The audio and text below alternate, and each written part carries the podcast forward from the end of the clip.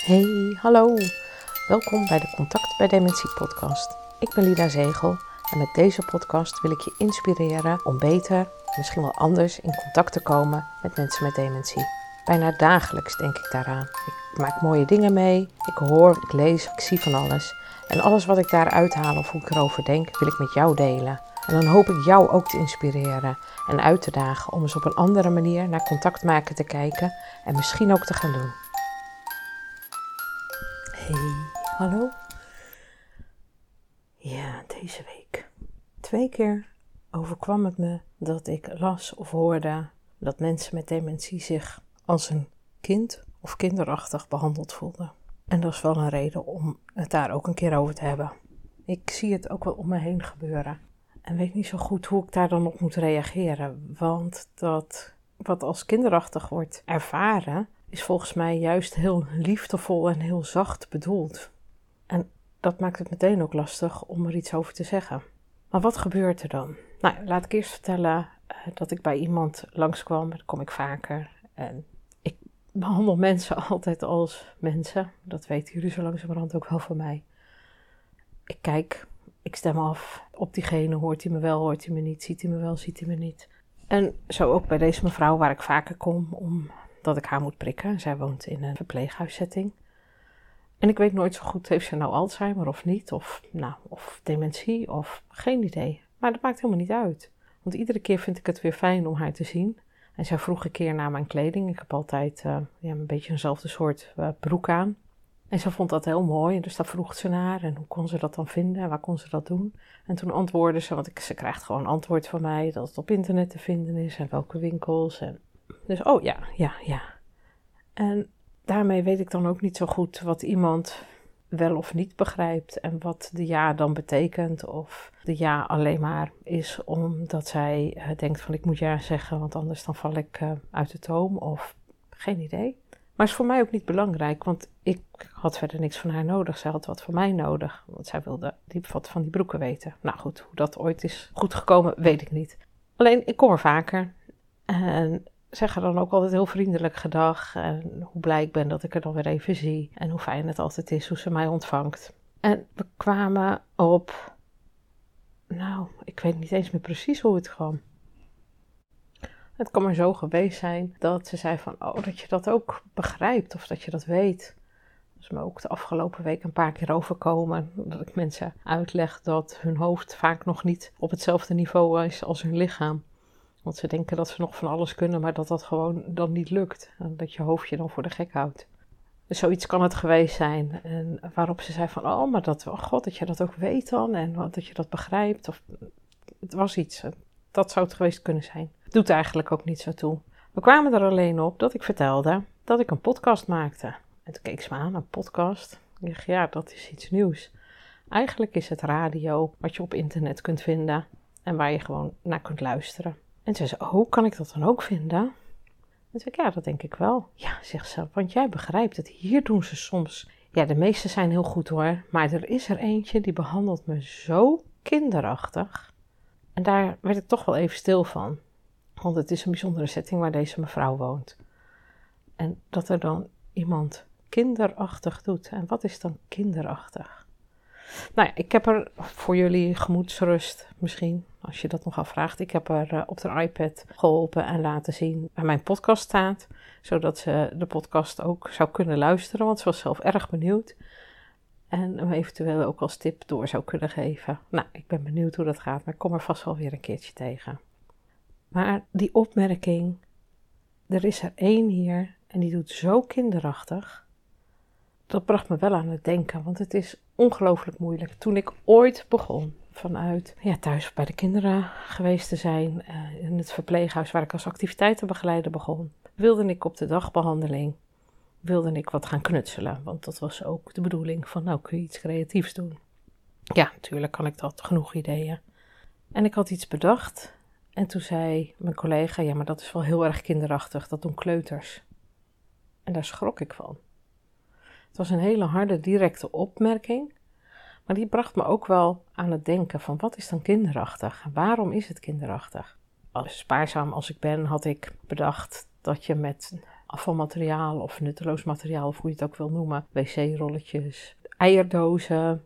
Dat je daar van alles nog van kan knutselen en dat het dan bloemen worden. En zij vond dat kinderachtig. En toen dacht ik, wat is daar dan kinderachtig aan? Omdat je dat met kinderen doet? Ja, misschien was dat het enige. Ik heb in ieder geval daar wel van bij me gehouden dat ik dacht van oké, ik moet dus echt wel heel erg iets anders doen. Het moet toch echt wel op een ander niveau gebracht worden dan dat je dat naar kinderen brengt. Want eigenlijk is knutselen, voor mijn gevoel, of je het nou met kinderen doet of met volwassenen, er zit niet zoveel verschil in. En toch zit er verschil in. En dat is waar je de nadruk legt. Waar je voor mensen invult in plaats van dat mensen zelf iets kunnen gaan bedenken. Waar je op een simpele manier hetzelfde doet als dat je met kinderen zou doen. Dat maakt het dat het niet bijzonder is. En ook niet interessant. En ook niet uitdagend. En die uitdaging, die hebben we ook nodig. Maar wat nog belangrijker is, is dat je je niet gelijkwaardig behandeld voelt. Waar die mevrouw mij zei, die doet zo kinderachtig tegen me. Kan ik me voorstellen dat zij zich minder waardig voelt, onwaardig misschien wel, terwijl dat waarschijnlijk helemaal niet de bedoeling is van degene die haar helpt. En toch zie je dat gebeuren, ook in de stemmen als mensen met mij in gesprek zijn en er komt iemand anders voorbij en ze gaan ineens met een hoger stemmetje tegen iemand praten, dat komt ook niet serieus over dan. Dus dat kinderachtig, ja, ik snap het wel, maar het is zo'n dun lijntje waar het kinderachtig is en waar het niet kinderachtig is. En ik denk dat het belangrijkste is dat je bewust bent dat als iemand jou aankijkt en denkt van hé, hey, wat doe je nu dan? Met een verbaasde blik naar jou kijkt, of misschien wel afwijzend is op het moment dat je op zo'n manier iemand benadert. Dat je dan bij jezelf moet gaan nadenken van heb ik nou iets geks gedaan? Doe ik iets raars? En als je dat niet direct weet, waarom vraag je het dan niet? Waarom zeg je niet gewoon: heb ik iets geks gezegd? Doe ik iets geks? Durf je fouten te maken?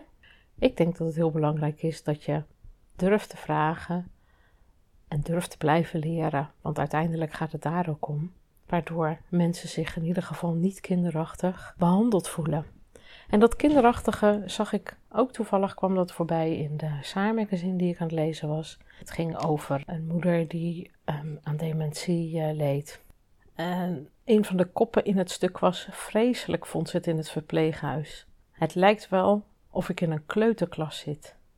Dat was de tweede trigger deze week, waarin er gezegd werd: een kleuterklas, kleuters, dat die vergelijking gemaakt werd. Ja, wat voor mij echt belangrijk is hierin, en ik heb het een keer gezegd en ik ga het nog één keertje zeggen, en ik hoop ook dat jullie het daarmee begrijpen. Kijk goed dat je in ieder geval op gelijkwaardig niveau met mensen omgaat. Het is al vervelend genoeg als mensen meer hulp nodig hebben. Maar je wilt toch niet, ik wil ook niet kinderachtig behandeld worden dat iemand ja, misschien is het ook wel betuttelen. Dat iemand je betuttelt. Of iemand met een raar stemmetje tegen je gaat praten. Of dat je je in ieder geval niet gelijkwaardig voelt. En daardoor misschien wel onwaardig. Dat lijkt me niet het juiste uitgangspunt voor niemand. Ik wil niet zo behandeld worden. En ik neem aan jij ook niet. En waarom een ander dan ook niet? Nog één dingetje wil ik vertellen. En dat gaat over afstemmen. En afstemmen heb ik natuurlijk al wel vaker benoemd. Ik heb er zelfs twee podcasts aan gewijd. Nummer 19 heet afstemmen en nummer 35 heet afstemmen in alle situaties. En ik moest daaraan denken toen van het weekend onze kleinkinderen er waren en mijn man aan opa van alles vroegen. Maar mijn man heeft gehoorapparaten of gehoorhulpen, zoals hij het zelf noemt. In ieder geval, hij heeft iets in zijn oren waardoor het geluid versterkt wordt. Alleen als kinderen spelen maken ze soms heel veel geluid. En is hij niet altijd gefocust en weet hij ook niet of hij wel of niet moet luisteren. Dus hij zegt altijd: Je moet eerst even mijn naam noemen. Of opa roepen. En dat deden de kinderen ook: Opa, opa. En vervolgens draaiden ze hun gezicht om en begonnen ze te praten. Dan kan hij het ook niet volgen. Dus hij zegt: Je moet me aankijken. Je moet. Kijk me aan. Ook weer gebiedend. Dus dat was wel heel grappig. Zo van, nou, moeten, moeten we nou naar opa kijken als we praten? Ja, je moet even opa aankijken. En toen kon ik uitleggen wat er gebeurde als ik mijn hand voor mijn mond doe, konden ze me ook minder goed verstaan. En als ik mijn hand weghaal en ik praat misschien niet zo hard, dan kunnen ze misschien mijn mond beter zien. En dat opa, doordat hij dan de mond ziet bewegen, ook meer begrijpt dat er wat gezegd wordt. Ja, er werd natuurlijk uitgebreid mee getest en geoefend en gedaan. Want kinderen, ja, die kleinkinderen, het is prachtig. Eh, het zijn sponsjes, ze absorberen van alles, maar willen ook meteen van alles uitproberen. En dat maakte het ook wel heel grappig ook. eigenlijk gaat dit over afstemmen. Noem eerst de naam van iemand. Kijk of diegene jou hoort en ziet. Als dat het geval is, dan kun je pas het volgende doen. En dan kun je iets zeggen. En dan kun je kijken of dat vervolgens weer aankomt. Nou, om het op die manier aan de kleinkinderen uit te leggen, dat heb ik niet gedaan. Ik heb wel uitgelegd dat opa hun beter kan verstaan als ze opa aankijken terwijl ze praten, omdat opa dan ook naar de lippen kan kijken en dan ook begrijpt dat er iets gezegd wordt en soms aan de lippen kan zien wat er gezegd wordt. Ja, dat is natuurlijk interessant. Maar wat voor jullie belangrijk is in het kader van contact bij dementie, is dat afstemmen, is dat aanspreken van iemand, kijken of iemand je heeft gehoord en of die je ziet. En zo niet, ik sta hier, of kijk me eens aan. Dat soort dingen. Door dat te zeggen, daardoor kun je een volgende stap nemen en kun je wat anders gaan zeggen. En kun je kijken hoe dat aankomt. Moet iemand iets doen? Begrijpt iemand wat je zegt? Gaat hij vervolgens dat ook doen? Of gebeurt er niks? Als er niks gebeurt, dan wacht je geduldig. Misschien komt het iets later aan.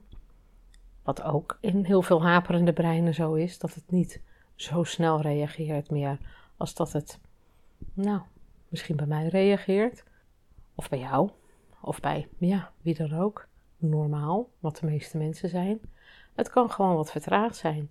Voorbeeld daarvan is bij de ziekte van Parkinson. Mensen die de ziekte van Parkinson hebben, daar duurt het echt veel langer voordat er iets in de hersenen aankomt. En als het dan is aangekomen en er wordt een appel gedaan op een antwoord of een actie, dan kan het net zo lang weer duren voordat daar een antwoord op komt of een actie op komt. En dat is best wel vreemd en best wel moeilijk, en zeker als je dat zelf niet hebt. Mijn schoonmoeder had de ziekte van Parkinson, ik heb dat vaker gezegd. En bij haar was het ook vaak dat ik dacht van, oh ja, hou maar tientallen aan om te wachten tot het aankomt. En dan net zo lang ook weer die tientallen totdat zij een reactie kan geven. Nou, als je een combinatie hebt met ook nog eigenwijs zijn, dan kan het best zijn dat er iets niet terugkomt. Prima, geen probleem. Dan gingen we weer door of op een andere manier kwamen we er wel achter. En het gebeurde zelfs wel eens dat ik een half uur later een antwoord kreeg op een vraag die ik had gesteld. Echt een half uur later. Want ik op mijn horloge keek en dacht van, hè? Dit heb ik een half uur geleden gevraagd en er komt nu een heel verhaal terug. Ja, geweldig.